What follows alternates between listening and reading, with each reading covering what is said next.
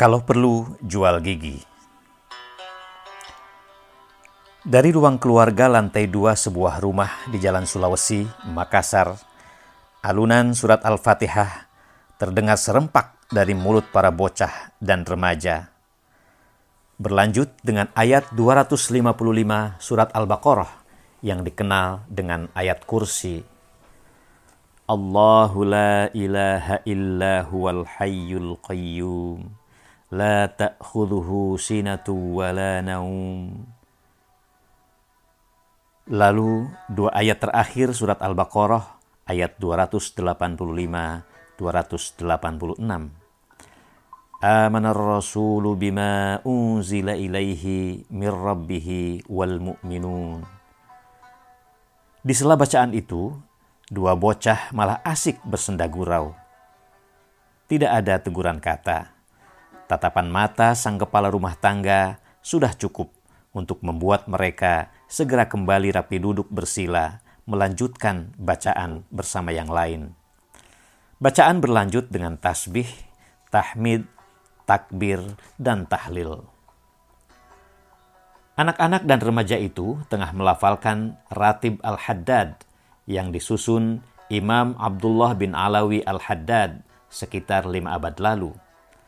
Ratib ini menjadi bacaan wajib keluarga Habib Abdurrahman Syihab setiap usai sholat maghrib. Mulut-mulut mungil yang melafalkan ratib itu milik Muhammad Quraisy Shihab dan kakak adiknya. Sebelum membaca Ratib Al-Haddad, mereka mendaras Al-Quran. Tibalah giliran Aba Abdurrahman. Ia duduk bersila di atas amben. Tatapan matanya yang lembut menyisir satu persatu wajah buah hatinya yang duduk bersila beralas tikar di lantai. Lalu meluncurlah uraian kisah dari ayat-ayat Al-Quran yang barusan mereka baca. Kisah yang beragam dari hari ke hari, tapi Aba selalu menutupnya dengan pesan, Bacalah Al-Quran seakan-akan ia diturunkan kepadamu. Pesan itu selalu terngiang di telinga Quraisy. Sesudah dewasa kelak, Quraisy ketahui bahwa pesan Aba adalah kutipan dari karya Muhammad Iqbal pujangga, dan filosof Pakistan. Aba juga menyampaikan petuah tentang pentingnya menuntut ilmu dan meraih pendidikan tinggi. Aba tidak akan meninggalkan harta buat kalian, tapi semoga bekal pendidikan dapat Aba usahakan. Kalau perlu, Aba akan jual gigi. Aba memang siap mengorbankan apa saja demi pendidikan anak-anaknya. Di hari lain, Aba menyisipkan kisah para leluhur, terutama kegigihan mereka menuntut ilmu dan perjuangan mereka menyebarkan ajaran Islam melalui pendidikan dan dakwah. Para leluhur adalah ilmuwan yang sangat gemar beribadah sekaligus rendah hati. Demikian pernyataan Aba setiap kali mengakhiri kisah para moyangnya. Sebagai sosok yang dianggap memiliki reputasi pendidikan di kalangan masyarakat Sulawesi Selatan, Tentu wajar bila Aba mendorong anak-anaknya meraih pendidikan tinggi. Aba yang mengikuti jejak para leluhurnya adalah ulama dan guru besar bidang tafsir. Kontribusi Aba dalam bidang pendidikan terbukti dari usahanya turut membidani kelahiran Universitas Muslim Indonesia atau UMI Makassar tahun 1954. Selama enam tahun, Aba juga menjadi rektor UMI yang kemudian diakui sebagai perguruan tinggi swasta terbesar di kawasan Indonesia bagian timur.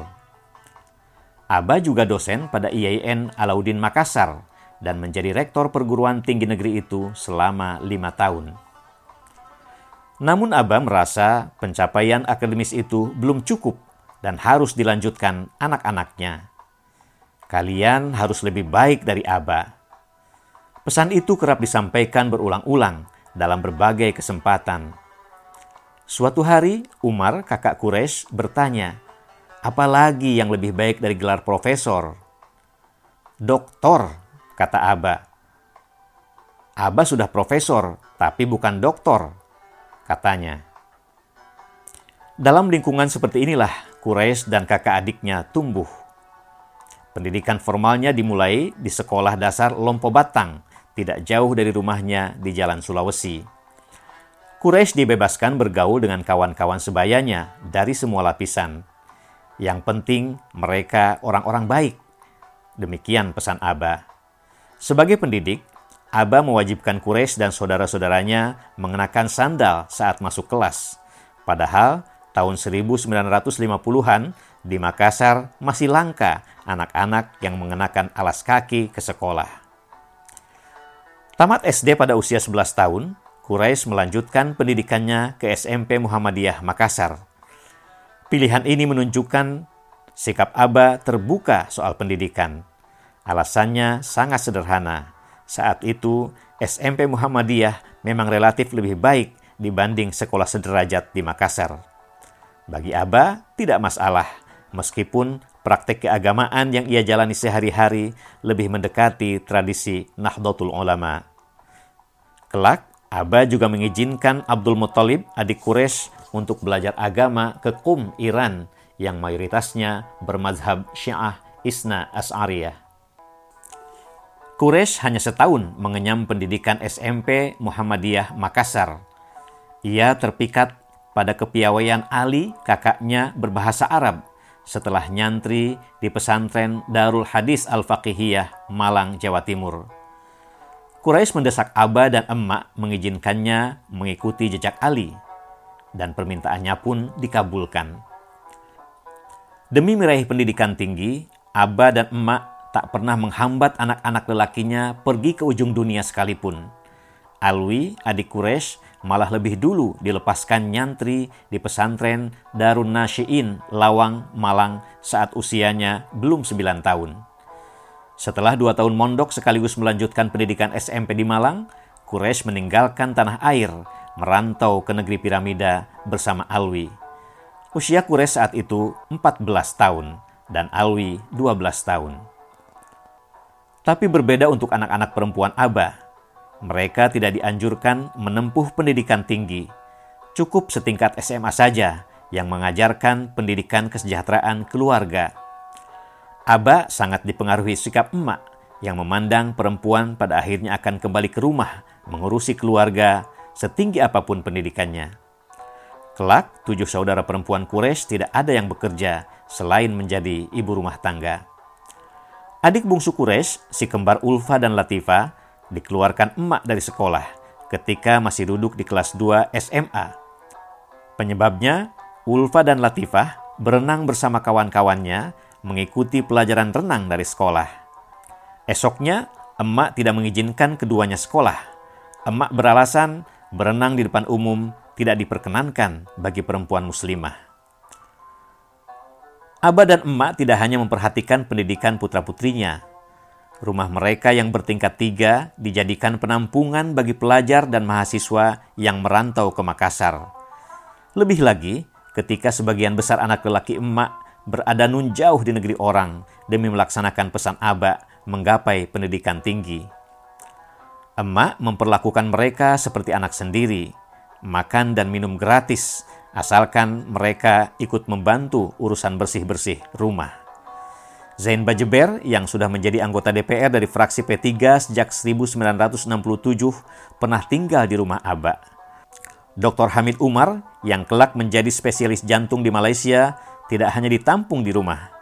Aba bahkan ikut menjodohkan dan menikahkannya.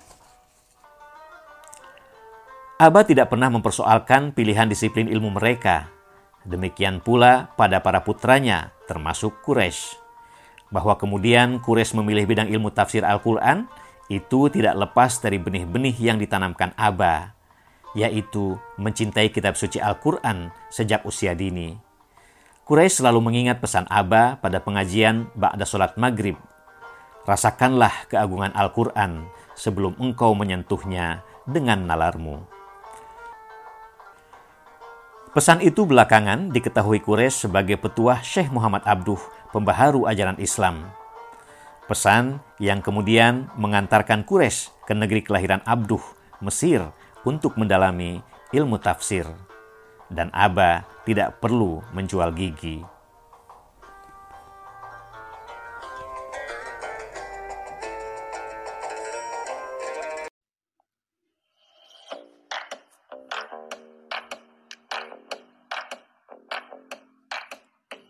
Simak terus kisah-kisah unik dan inspiratif dari buku Cahaya Cinta dan Canda Muhammad Quraisy Shihab. Hanya di The Clouds